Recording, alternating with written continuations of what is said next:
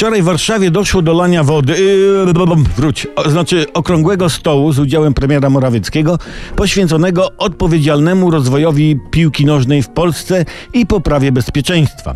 Pan premier słusznie zwrócił uwagę, że chuligańskie wybryki na stadionach to łyżka dziegciu, która psuje beczkę miodu.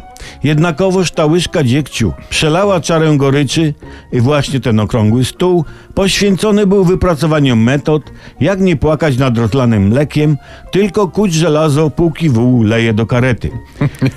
Premier to najważniejsze, wyraził radość z wymienienia się pozytywnymi uwagami w obszarze rozwoju młodzieży. Koniec cytatu.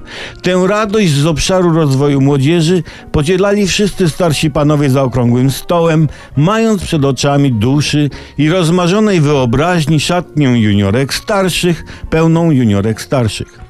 W związku z powyższym jeden z uczestników ocenił, że, cytuję, dotykaliśmy dzisiaj wszystkich tematów. Natomiast minister podkreślił sportu, jak ważne jest budowanie sportu od podstaw. Źródłem tych podstaw, dodajmy, jest baza oparta na fundamencie zdrowego kośćca obszaru młodzieży, tworzącego podwalinę pod cokół przyszłych sukcesów. Z kolei Zbigniew Bonik zaakcentował, że nie zapadły żadne konkretne decyzje. No, nie mogły zapaść, gdyż nie decyzjom był poświęcony stół, a opracowaniu jak najlepszych schematów rozwoju polskiej piłki.